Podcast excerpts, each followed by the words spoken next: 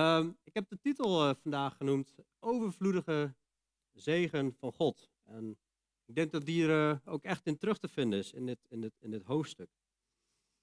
Overvloedige zegen en dan vooral geestelijke zegeningen waarmee we gezegend zijn.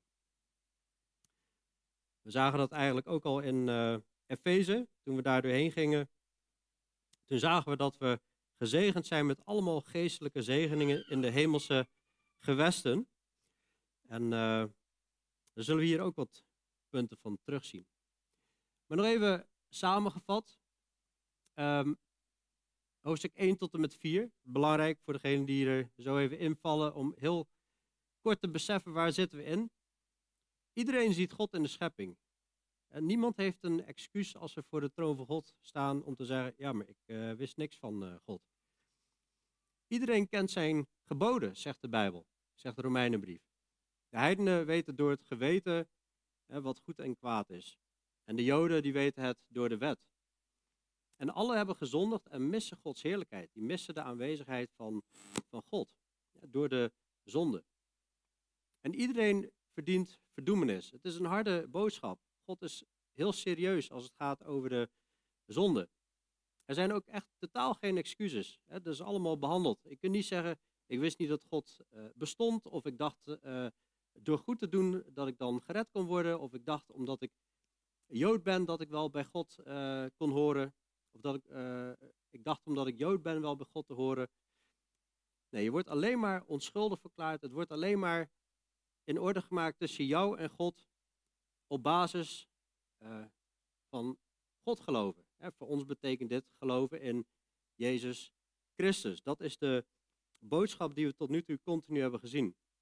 die wet, de tien geboden, andere geboden ook nog, laat alleen zien hoe erg ziek we zijn en dat we dus genezing nodig hebben. Het komt gewoon niet in de Bijbel voor dat wanneer je meer goed doet dan slecht, dat je, dat je dan wel het redt. Nee, de Bijbel laat zien, als we dat lezen, dat we dood zijn in de zonde. Elke mond wordt gestopt en de hele wereld is doenwaardig voor God. Dat is wat we tot nu toe gezien hebben. De schuld is geannuleerd wanneer je gelooft in Jezus. Dan krijg je de gerechtigheid van God. Zo, zoals God Jezus ziet, dat wordt op jou gelegd wanneer jij gelooft in het offer van Jezus. En Onno, die heeft het vergeleken met, met wat meer woorden, maar hè, ja, het is een en al rommel van binnen, een en al zonde. En die, die, ja, die kunnen wij, dat kunnen wij niet opruimen. En er zijn allemaal manieren waarop de mens van alles en nog wat probeert, maar zo'n opgeruimde kamer zoals Jezus heeft, zullen we nooit krijgen. En dat is nodig om bij God te komen. Maar geloven wij in Jezus, en dan krijgt Hij krijgt onze rommel en wij krijgen zijn reinheid, zijn, zijn mooie opgeruimde kamer, waardoor we weer bij God kunnen komen. Vandaag zullen we eigenlijk, um, hoofdstuk 5 is opgedeeld in, in, in twee delen, zeg maar, vers 1 tot 11. En daar zien we eigenlijk zeven zegeningen die we ontvangen. En het, het tweede deel, daar wordt Adam wordt vergeleken met Jezus. Dat gedeelte is niet heel makkelijk als je dat voor de eerste keer leest, maar het is wel heel erg mooi. Nou, hoofdstuk 5, vers, uh, vers 1. Misschien kunnen we 1 tot 11 even, even, even lezen eerst. Dat begint dan met, wij dan, gerechtvaardigd uit het geloof, hebben vrede bij God door onze Heer Jezus Christus. En even een re reminder, het eindigde met, uh, hoofdstuk 4 ging over Abraham. Ja, wat liet zien dat ook Abraham, voordat de wet was, zelfs voor de besnijdenis van Abraham, werd hij gerechtvaardigd vanuit het geloof. Want hoofdstuk 4, vers 21 zegt, hij was er ten volle overtuigd, ten volle van overtuigd dat God machtig was te doen wat beloofd was. Hij geloofde de woorden van God. En dan hoofdstuk 4, vers 22, daarom is het hem tot gerechtigheid gerekend. En nu is het niet alleen ter wille van hem geschreven, dat het hem toegerekend is, maar ook ter wille van ons, aan wie het zal worden toegerekend, aan ons namelijk die geloven in hem, die Jezus onze Heer uit de doden opgewekt heeft die om onze overtreding is overgeleverd en opgewekt om onze rechtvaardiging. Onze rechtvaardiging, dat is zodat, het, zodat we onschuldig verklaard worden. Nou, en wij dan, gerechtvaardigd uit het geloof, hebben vrede bij God door onze Heer Jezus Christus. Door Hem hebben wij ook de toegang verkregen door het geloof tot deze genade waarin wij staan. En wij roemen in de hoop op de heerlijkheid van God. En dat niet alleen, maar wij roemen ook in de verdrukkingen, omdat we weten dat de verdrukking volharding teweeg brengt. En de volharding ondervinding en de ondervinding hoop. En de hoop beschaamt niet, omdat de liefde van God in onze harten uitgestort is door de Heilige Geest die ons gegeven is. Want toen wij nog krachteloos waren, is Christus op de bestemde tijd voor goddelozen gestorven. Want bij hoge uitzondering zal iemand voor een rechtvaardige sterven. Hoogstens immers heeft iemand de moed om voor de goede mens te sterven. God echter bevestigt zijn liefde voor ons daarin dat Christus voor ons gestorven is toen wij nog zondaars waren. Veel meer dan zullen wij, nu wij gerechtvaardigd zijn door zijn bloed, door hem behouden worden van de toorn. Want als wij, toen wij vijanden waren, met God verzoend zijn door de dood van zijn zoon, hoeveel te meer zullen wij behouden worden door zijn leven, omdat wij verzoend zijn. En dit niet alleen, maar wij roemen ook in God, door onze Heer Jezus Christus, door wie wij nu de verzoening ontvangen hebben.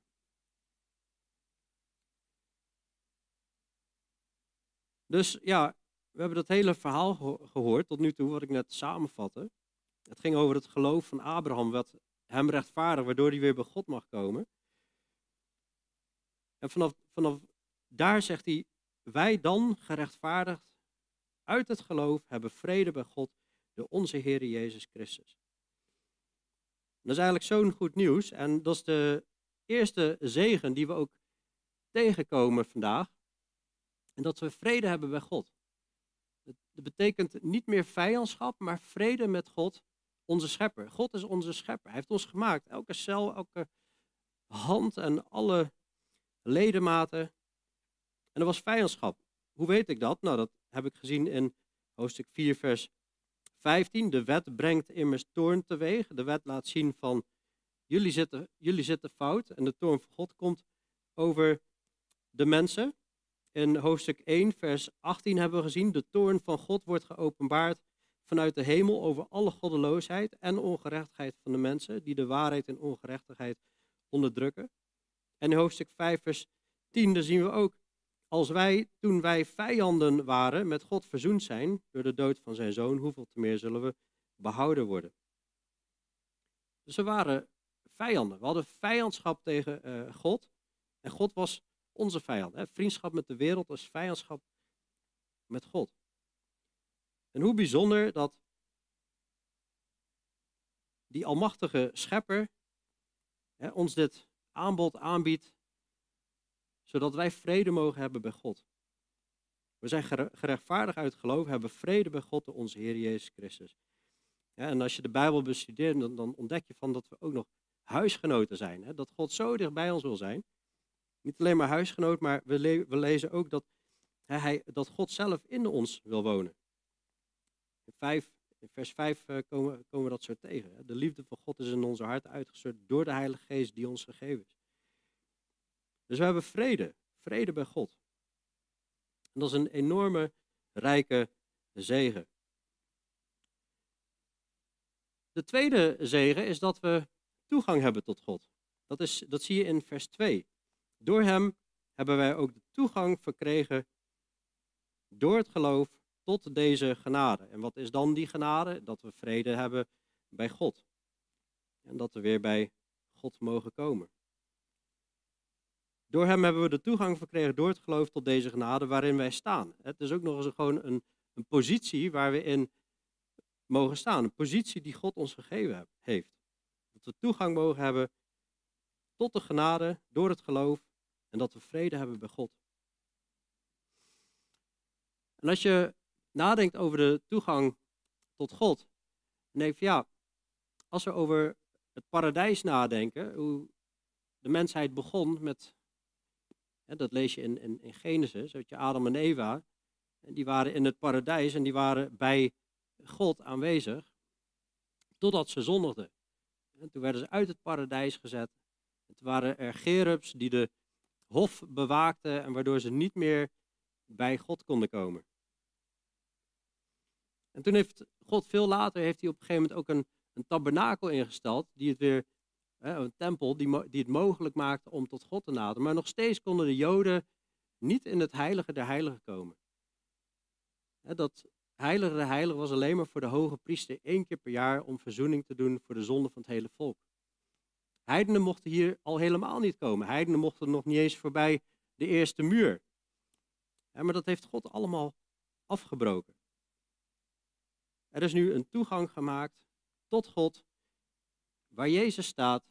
Het voorhang scheurde op het moment dat Jezus stierf aan het kruis. En daar zie je weer en die gerubs die eigenlijk zorgen dat je niet meer bij de heiligheid van God kon komen. Die bewaakten de heiligheid van God. Die zie je daar ook weer. En hoe bijzonder is het dat in dat heilige de heilige, in de ark van het verbond, er was een, een deksel op en daar werd bloed op gesprenkeld, tot verzoening zeg maar. Daarbinnen in die ark, daar lagen stenen tafelen. En dat waren de tien geboden. En als God nu nog naar die tien geboden kijkt en hij kijkt naar ons, dan kijkt hij door het bloed van de Heer Jezus. En door hem hebben wij de toegang verkregen door het geloof tot deze genade waarin wij staan. En wij roemen in de hoop op de heerlijkheid van God. Het is zo mooi dat we toegang hebben. In Hebreeën 10 wordt het ook aangehaald. Omdat wij nu, broeders, vrijmoedigheid hebben om in te gaan in het heiligdom door het bloed van Jezus langs een nieuwe en levende weg die Hij voor ons heeft ingewijd door het voorhangsel. Dat is door zijn vlees. En omdat wij een grote priester hebben over het huis van God, heel mooi, over het huis van God, laten wij tot hem naderen met een waarachtig hart. In volle zekerheid van het geloof. En dat volle, die volle zekerheid van het geloof mogen wij ook hebben als we zien wat God allemaal voor ons heeft willen doen. Nu ons hart gereinigd is van een slecht geweten en ons lichaam gewassen is met rein water. Laten wij de beleidenis van de hoop onwrikbaar vasthouden, want hij die beloofd heeft is getrouw.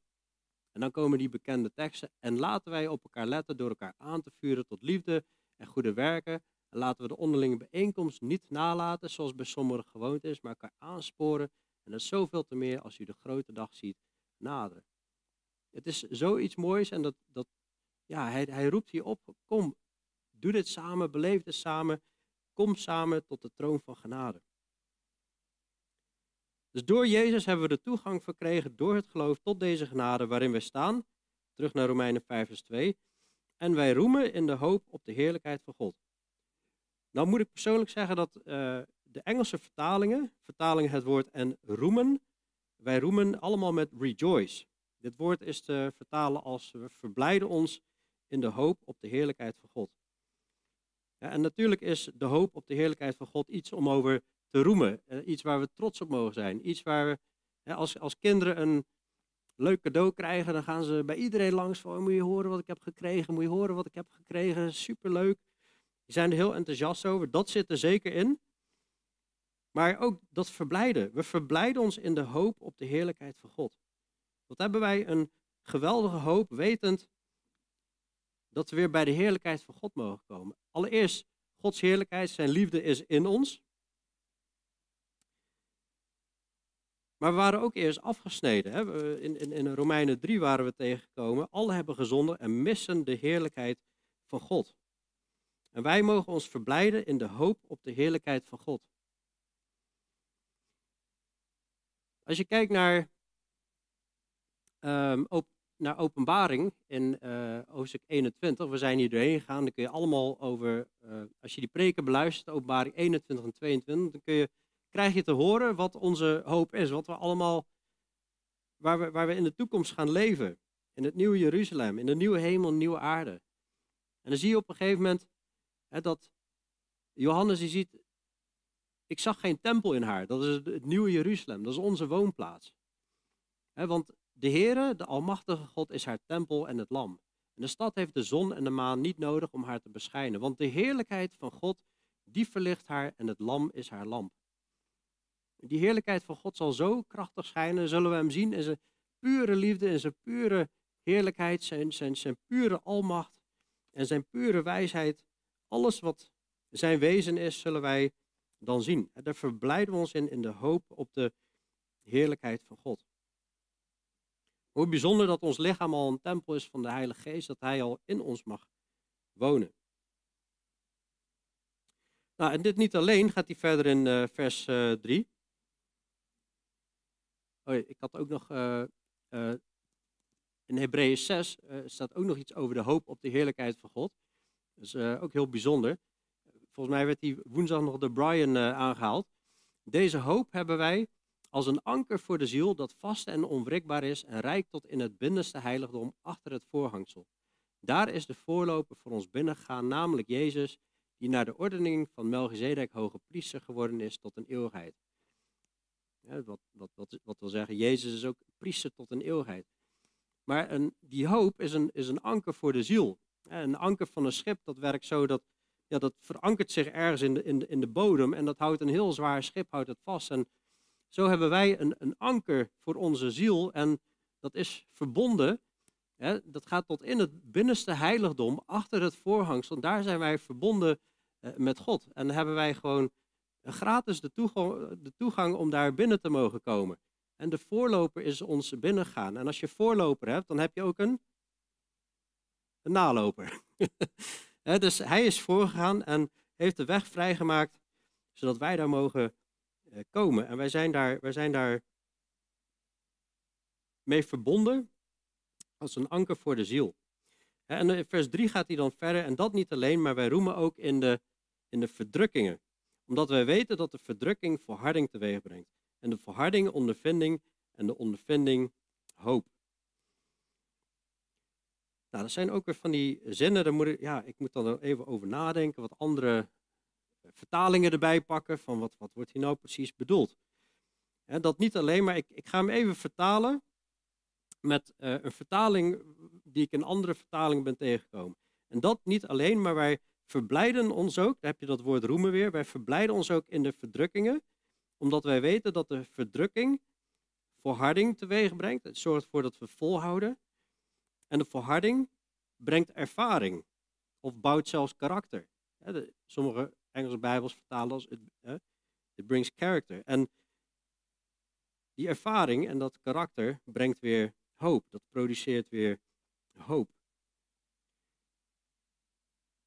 En je ziet zo vaak in het Nieuwe Testament dat wij, wij zijn bestemd hè, tot verdrukking. Dat zie je in 1 Thessalonicense 3, waar we op de woensdag mee bezig zijn. Of dat Paulus op een gegeven moment in handelingen zegt van, ja, hij bemoedigt de discipelen en zegt dat we door vele verdrukkingen koninkrijk van God moeten binnengaan.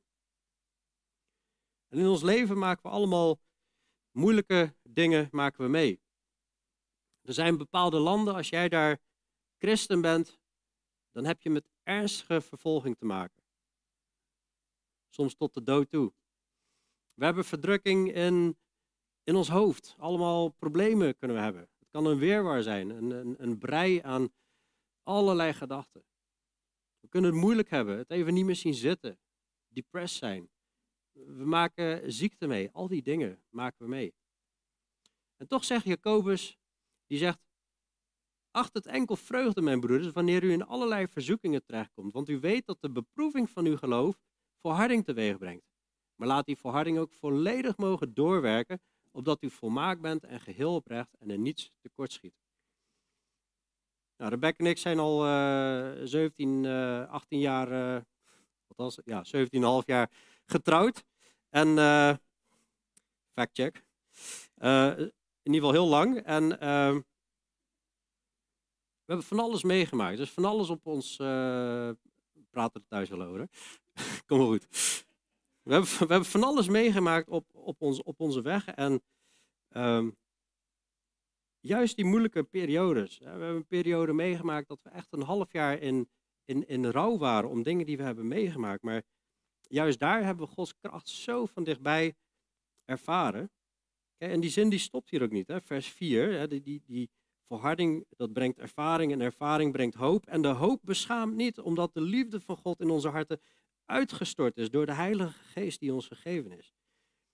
En, en juist in die, in die moeilijke fase dan ik weet niet, dan, dan klamp je je vast aan God, dan ervaar je gewoon, dat is, dat is eigenlijk het enige wat ik heb. Dus ik klamp me dan daaraan vast en dan ervaar je zo Gods aanwezigheid.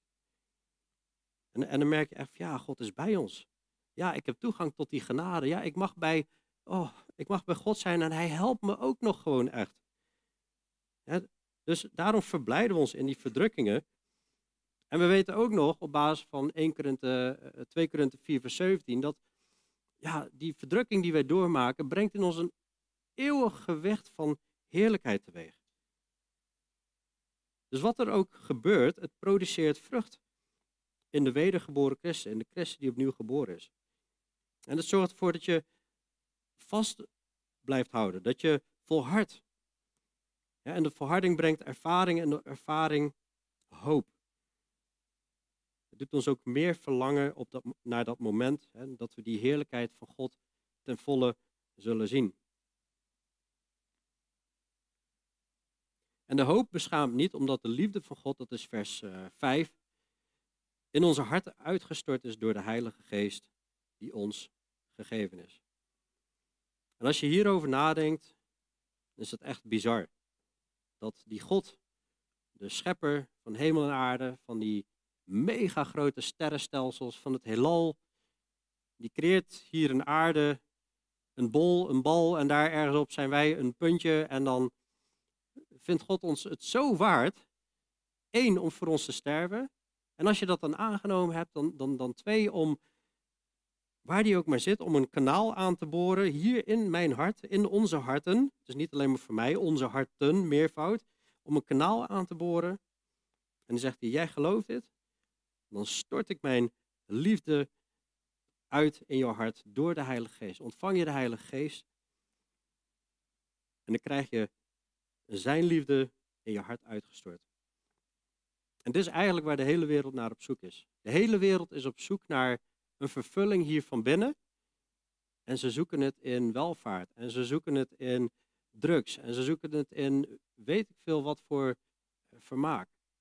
Maar het, het, werkt allemaal niet. Het geeft allemaal tijdelijke blijdschap. Maar dit is de echte vervulling die God heeft hier een soort emmer gemaakt. En die kan alleen maar echt vervuld worden met zijn liefde. Daar is die voor gemaakt.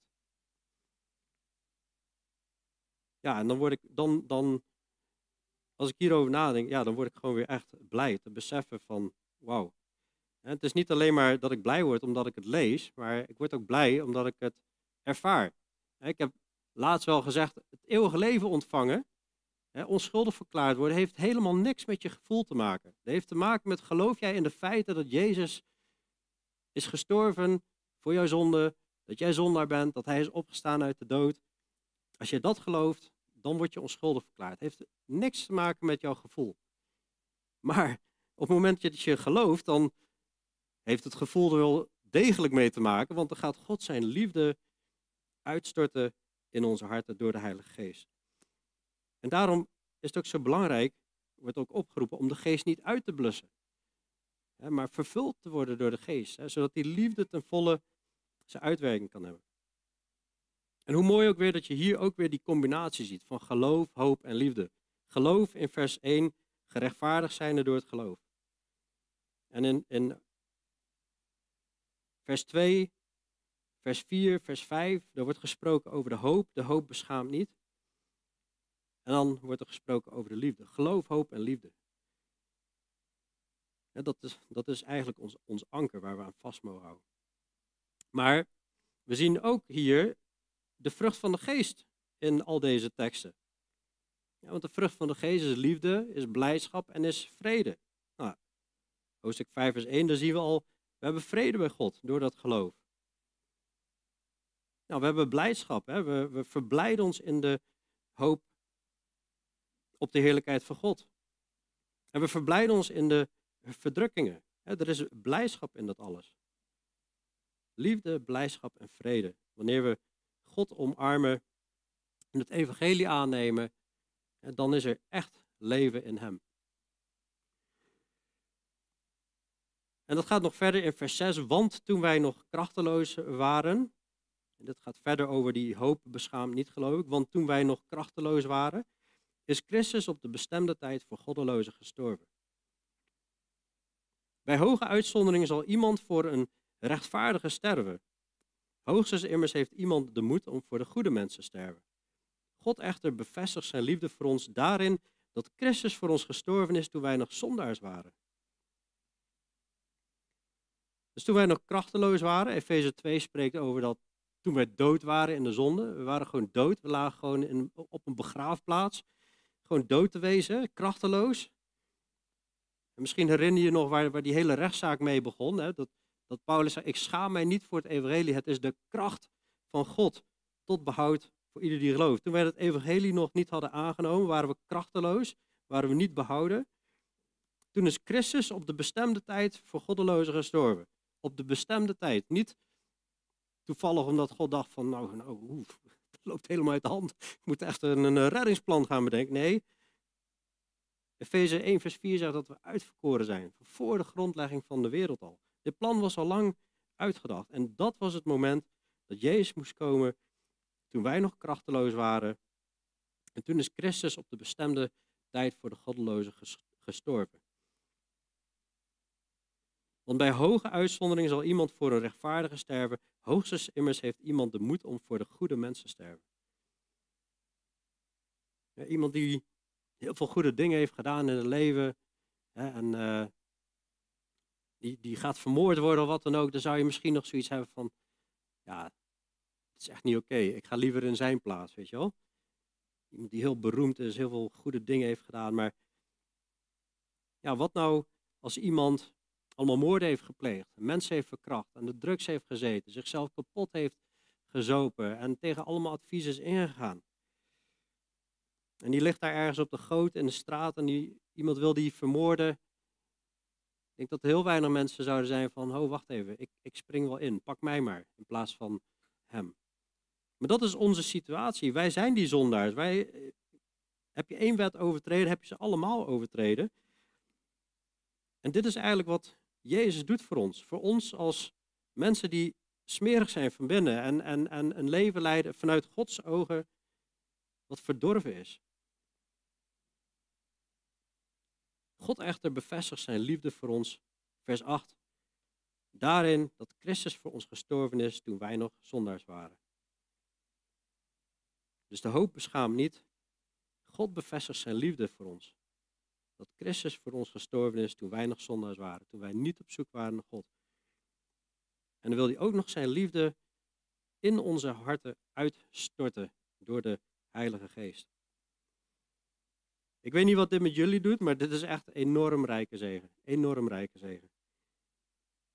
Dit zijn echt geweldige teksten waar we over mogen nadenken, waar we voor mogen zitten en dat op ons in laten werken en keer op keer op keer lezen. De Romeinenbrief is ook een brief die ik echt meerdere keren per jaar probeer te lezen. Hij is niet makkelijk, maar hij is wel zo rijk om te lezen wat God allemaal voor ons gedaan heeft. Veel meer dan zullen wij, vers 9, nu wij gerechtvaardigd zijn door zijn bloed, door hem behouden worden van de toorn. Nou, in de Thessalonicense brief, hè, daar zien we eigenlijk ook al um, dat de, de ze waren van de, van de afgoden bekeerd om de levende God te dienen en zijn komst uit de hemel te verwachten. En uh, we lezen in 1 Thessalonians 5 vers 9 ook dat God heeft ons niet bestemd tot toorn, maar tot het verkrijgen van de zaligheid door onze Heer Jezus uh, Christus. En dat is eigenlijk wat je, wat je continu ziet. We zijn niet bestemd tot toorn. We zien ook in het boek Openbaring wel, wel tien keer uh, over dat in die periode de toorn van God geopenbaard wordt. En uh, ja, we zien hier veel meer zullen wij nu wij gerechtvaardigd zijn door zijn bloed, door hem behouden worden van de toorn. Want als wij, toen wij vijanden waren, met God verzoend zijn door de dood van zijn zoon, hoeveel te meer zullen wij behouden worden door zijn leven, omdat wij verzoend zijn.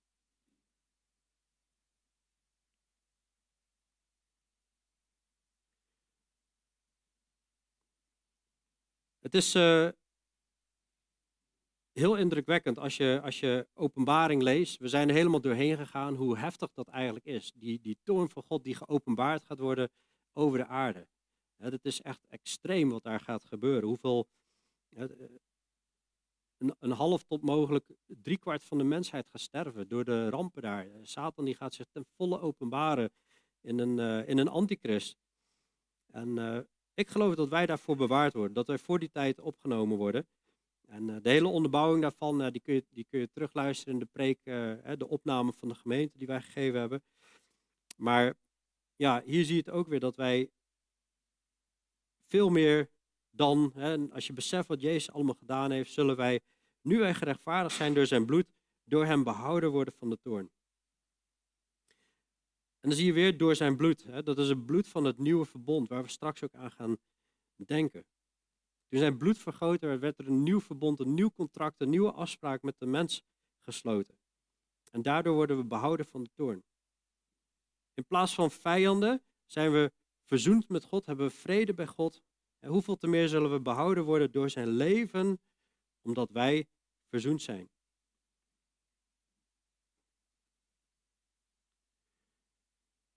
En dan zie je in vers 11 ook weer terug. Dit niet alleen, maar wij roemen ook. Hè, wij, wij verblijden ons ook. Hè. Dan zie je de roemen aan de ene kant hè, iets om trots op te zijn. We, zijn. we zijn trots hierop. En maar ook we verblijden ons in God door onze Heer Jezus Christus, door wie wij nu de verzoening ontvangen hebben. De verzoening is dat je weer in harmonie gekomen bent met God. En God ziet ons eigenlijk nu net weer als Adam in zijn onschuld. God ziet ons net als Jezus in zijn onschuld. En alleen in die onschuld kun je bij God komen. We verblijden ons ook in God. Door onze Heer Jezus Christus, door wie wij nu de verzoening ontvangen hebben.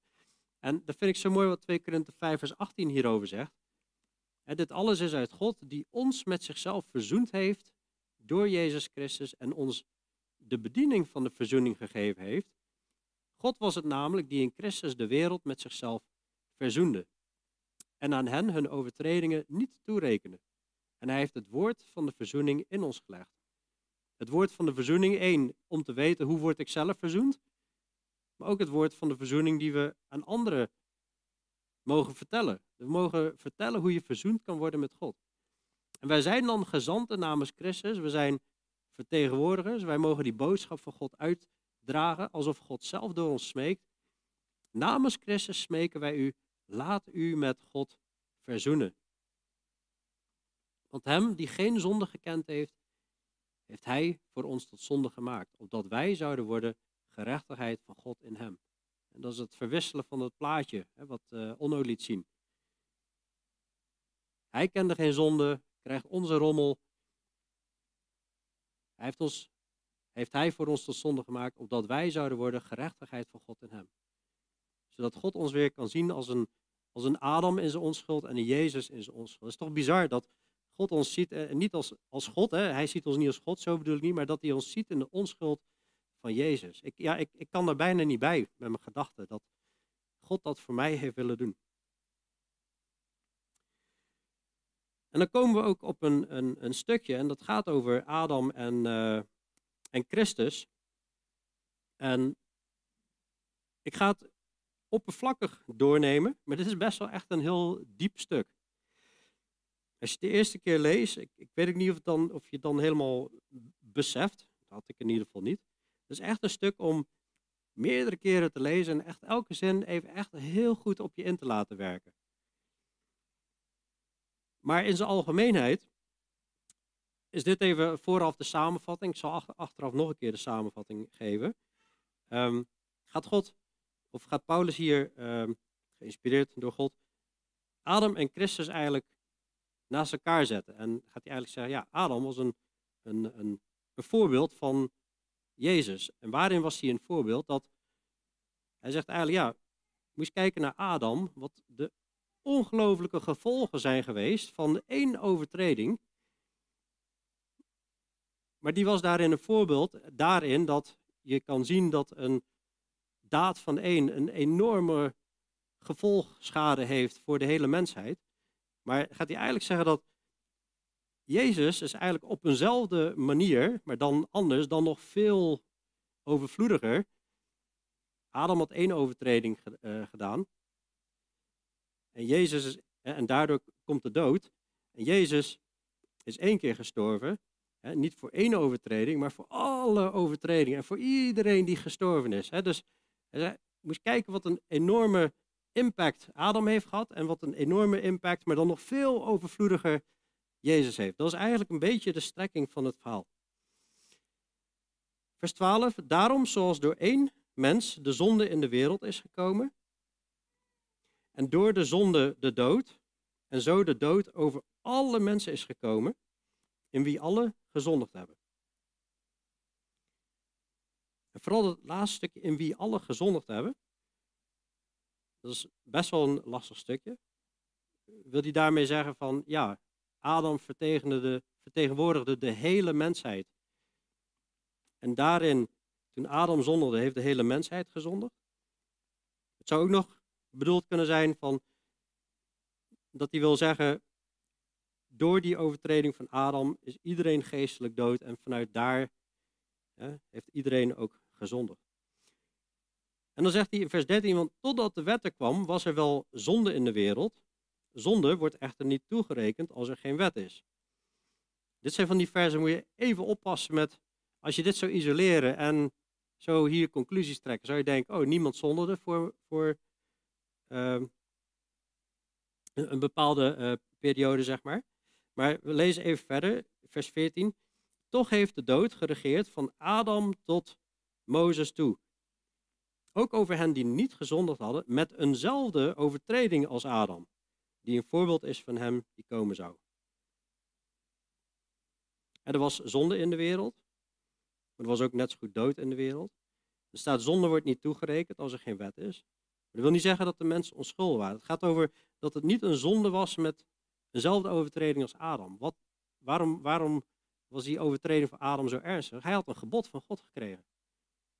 Niet eten van die boom.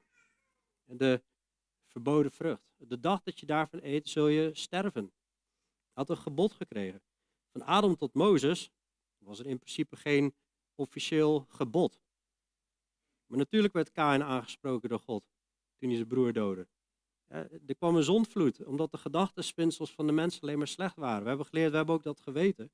Maar het gaat hier even om, en toch heeft de dood geregeerd van Adam tot Mozes toe, ook over hen die niet gezondigd hadden met dezelfde overtreding als Adam. Waarom? Omdat ze zijn vanuit de zondige natuur geboren. En die Adam is een voorbeeld van hem die komen zou. En dat voorbeeld is wat ik eigenlijk net uitlegde. Hij gaat nu eigenlijk Adam en Christus naast elkaar zetten, vergelijken. Maar het is met de genadegave niet zoals met de overtreding. Wat is die genadegave? Dat is het evangelie, dat gratis geschenk. Is het niet zoals met de overtreding? Want als door de overtreding van de ene velen gestorven zijn, veel meer is de genade van God en de gave door de genade die er is door de ene mens, Jezus Christus, overvloedig geweest over velen.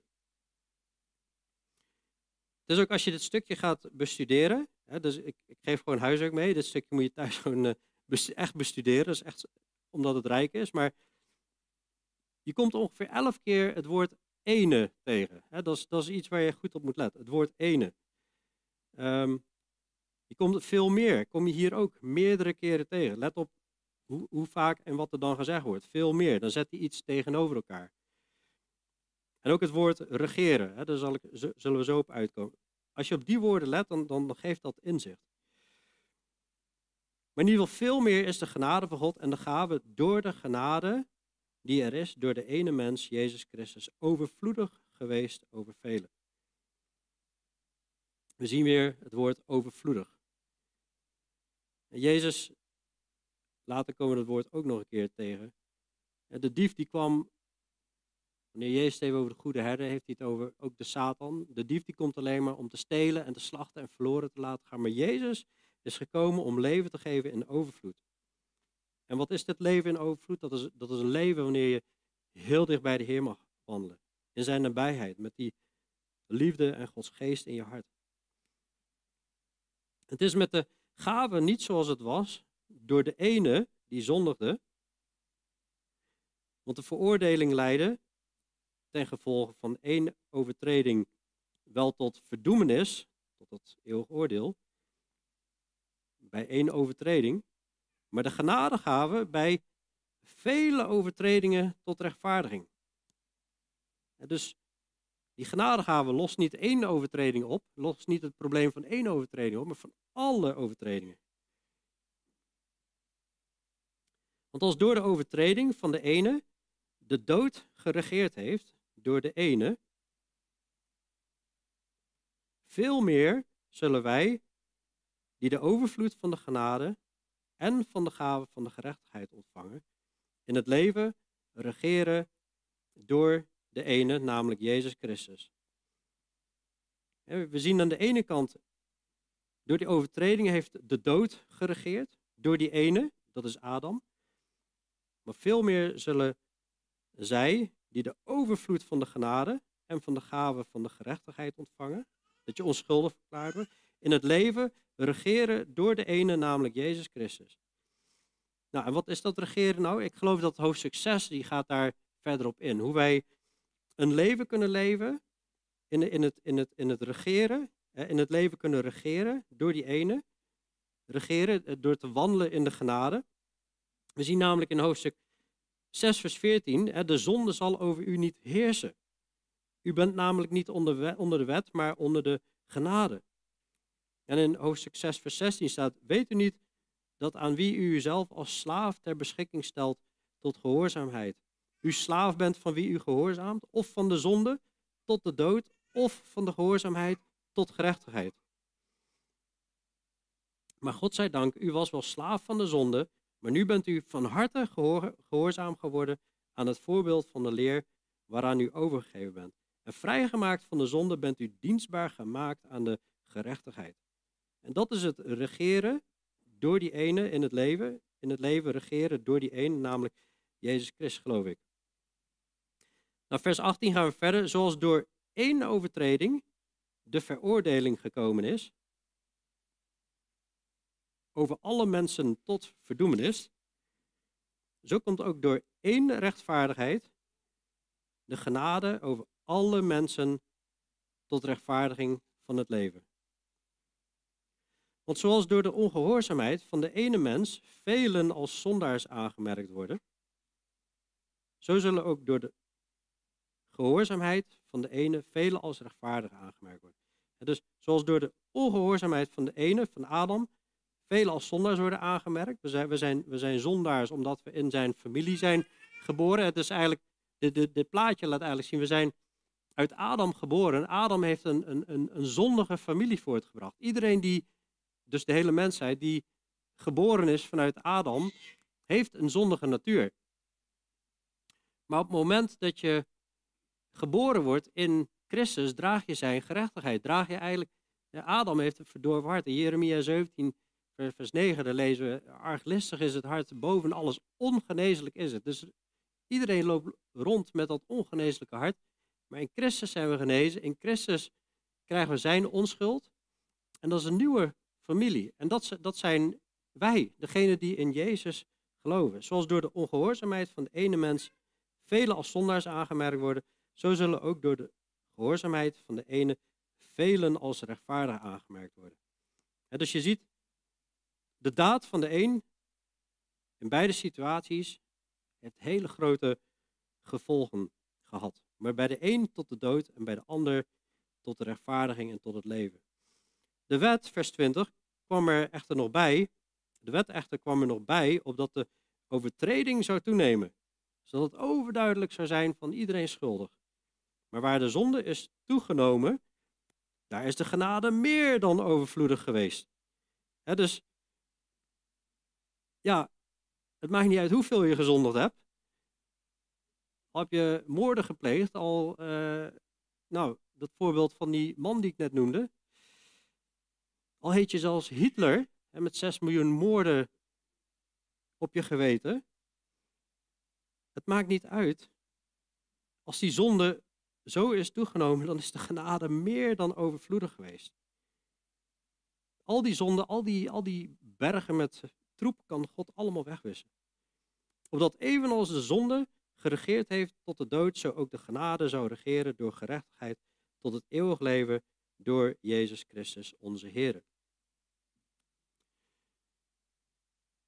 we zien eigenlijk steeds veel meer als we Adam vergelijken met, met Jezus, dan doet Jezus het veel beter. Alles is veel meer, veel meer. Ten opzichte van het, het kwaad van Adam is de goedheid van God, die wordt echt over ons uitgegoten. In vergelijk, ik zei het na afloop zal ik het nog even samenvatten. Adam bracht zonde in de wereld. Maar Jezus geeft mensen overwinning over de zonde. Door Adam zijn er veel gestorven door zijn zonde. Bij Jezus zijn er uh, velen leven door zijn genade. Adams zonde leidt tot verdoemenis. Jezus zijn dood leidt tot gerechtigheid. Adams ongehoorzaamheid maakt velen tot zondaar, maar Jezus' gehoorzaamheid brengt velen tot rechtvaardigheid, tot die onschuld. En Adams zonde regeerde tot de dood. En Jezus' genade regeert om eeuwig leven te brengen. Dus dat is eigenlijk het vergelijk wat, wat hij maakt hier om aan te tonen dat, dat, dat Jezus alles herstelt wat Adam verprutst heeft. Maar wij zouden precies hetzelfde hebben gedaan. Alleen dan is het nog veel meer, veel overvloediger wat Jezus heeft gedaan ten opzichte van wat Adam teweeg heeft gebracht. Zo zijn er nog meer veel voorbeelden tussen Adam en Jezus te bedenken. Adam en Jezus begonnen allebei perfect, maar Adam die werd verzocht in het paradijs. Jezus werd verzocht in de woestijn. Adam was bij de tamme dieren, Jezus was bij wilde dieren. Er staat volgens mij Marcus erbij. Maar je ziet, Jezus kwam in de gebrokenheid van de schepping. Adam was in de perfecte eh, staat. Maar Adam werd verzocht en die faalde. Jezus die werd verzocht en die overwon. Door Adam kwam de zonde en de dood, maar door Jezus dus de rechtvaardiging en het leven. Door Adam zijn wij afgesneden van God. Maar Jezus werd ook Emmanuel genoemd en dat betekent God met ons. Hij komt om die vrede te brengen. Door Adam die belemmerde eigenlijk de weg tot het paradijs. Maar Jezus geeft weer toegang tot het paradijs. Geeft weer toegang tot God. En dus eigenlijk als je het zo bekijkt. Dit plaatje heb ik toen ook bij Efezus aangehaald. Hè, dat, je, dat je ziet. Er is één grote puinhoop ontstaan. één grote vuilnisbelt door Adam. Dat leidde allemaal tot de dood. Maar er komt Jezus die gehoorzaamt tot de dood toe. Hij draagt de zonde op zich. En dan krijgen we een overvloed van zegen. En, en dit plaatje is niet bedoeld om te zeggen, het is een heel mooi paleis, maar dat we materiële rijkdom krijgen. Maar hè, dit, dit, vertegenwoordigt de zegen van God. Dat wil ik daarmee zeggen. En we worden uiteindelijk in de eeuwigheid, zullen we zijn volle glorie en die volle hoop zien. Hè? En, en, en de heerlijkheid van God mogen zien en bij hem aanwezig mogen zijn. Dat is zo'n enorme zegen. En daarom heet die preek ook overvloedige zegen van God. Maar volgende keer gaan we het wel over hebben van, je zou kunnen denken, geweldig. Hoe meer zonde ik heb, des te overvloediger die genade. Ah, wacht eens even. Zal ik dan, zo begint hij het volgende hoofdstuk, zal ik dan zeggen, zal ik maar in de zonde blijven, dan neemt die genade nog meer toe. Oh, wacht even. Volstrekt niet, zegt hij dan. En dan gaat hij verder in vers 15. Oh, we zijn ook niet meer onder die wet. Geweldig. Zullen wij zondigen omdat wij niet onder de wet zijn, maar onder de genade? Nee, nee, nee. Volstrekt niet, zegt hij dan. Nee, dat is niet het doel. Hoofdstuk 6, vers 2 zegt, hoe zullen wij die aan de zonde gestorven zijn, nog daarin leven? Dat zou waanzin zijn. Maar hoe we dan gaan leven, dat staat in hoofdstuk 6. En dat het niet altijd makkelijk is, dat staat in hoofdstuk 7. Zoals Paulus, wanneer hij het goede zoekt te doen, ligt het kwade hem nabij. Want die oude mens zit er nog en die nieuwe zitten er samen. En dan kom je in hoofdstuk 8 en dan ga je lezen over de overwinning die er in Christus is door de Heilige Geest, door te wandelen door de Geest. Het is nog geweldig vooruitzicht wat we allemaal mogen behandelen. In ieder geval, ik zou zeggen, lees het nog eens een paar keer door thuis. Het is uh, zo rijk, dit hoofdstuk. Maar laten we bidden. En uh, ja, zou ik ook uh, Onno willen vragen, zou jij dan daarna het avondmaal willen doen? En ik hoop dat we onze harten echt beter op het offer van Jezus kunnen richten. Naar alles wat we gehoord hebben. Naar de rijkdom die Hij gegeven heeft. Hemels Vader, Heer Jezus, we we danken u zo voor Die overvloedige zegen. Vrede bij God Almachtig. Dank u wel, Heer, voor uw liefde. Die in onze hart is uitgestort door de Heilige Geest. Heer, help ons om ook gewoon volledig u de ruimte te geven in ons leven, Heer. Dat die, die liefde ook tot aan de rand van ons hart toe gevuld mag zijn. En dat het, dat het overvloeit, Heer. Dat, uh, dat onze mond hiervan overvloeit, van de liefde van God. En dat we anderen zullen oproepen om te verzoenen. Heer, help ons om vast te klampen aan die zegeningen. Dank wel dat we een anker voor onze ziel hebben. Dat, dat rijkt tot in het binnenste heiligdom. Dat we daar vastgehouden worden door u. Heer, we prijzen uw grote naam. Is alleen maar dank en aanbidding en eer. En Heer, wat een, het is echt iets om op te roemen over, over die heerlijkheid van God. En die hoop. Dank u wel dat zelfs in verdrukkingen en allerlei moeilijkheden, Heer, dat we ook daarin mogen verblijden en roemen, Heer. Want ja, wat zal ons kunnen scheiden van de liefde van Christus? Dank u voor uw grote offer, Heer. Heer, help ons om, om dit niet te klein te zien, maar echt op waarde te schatten. In Jezus' naam. We prijzen u aan. Amen.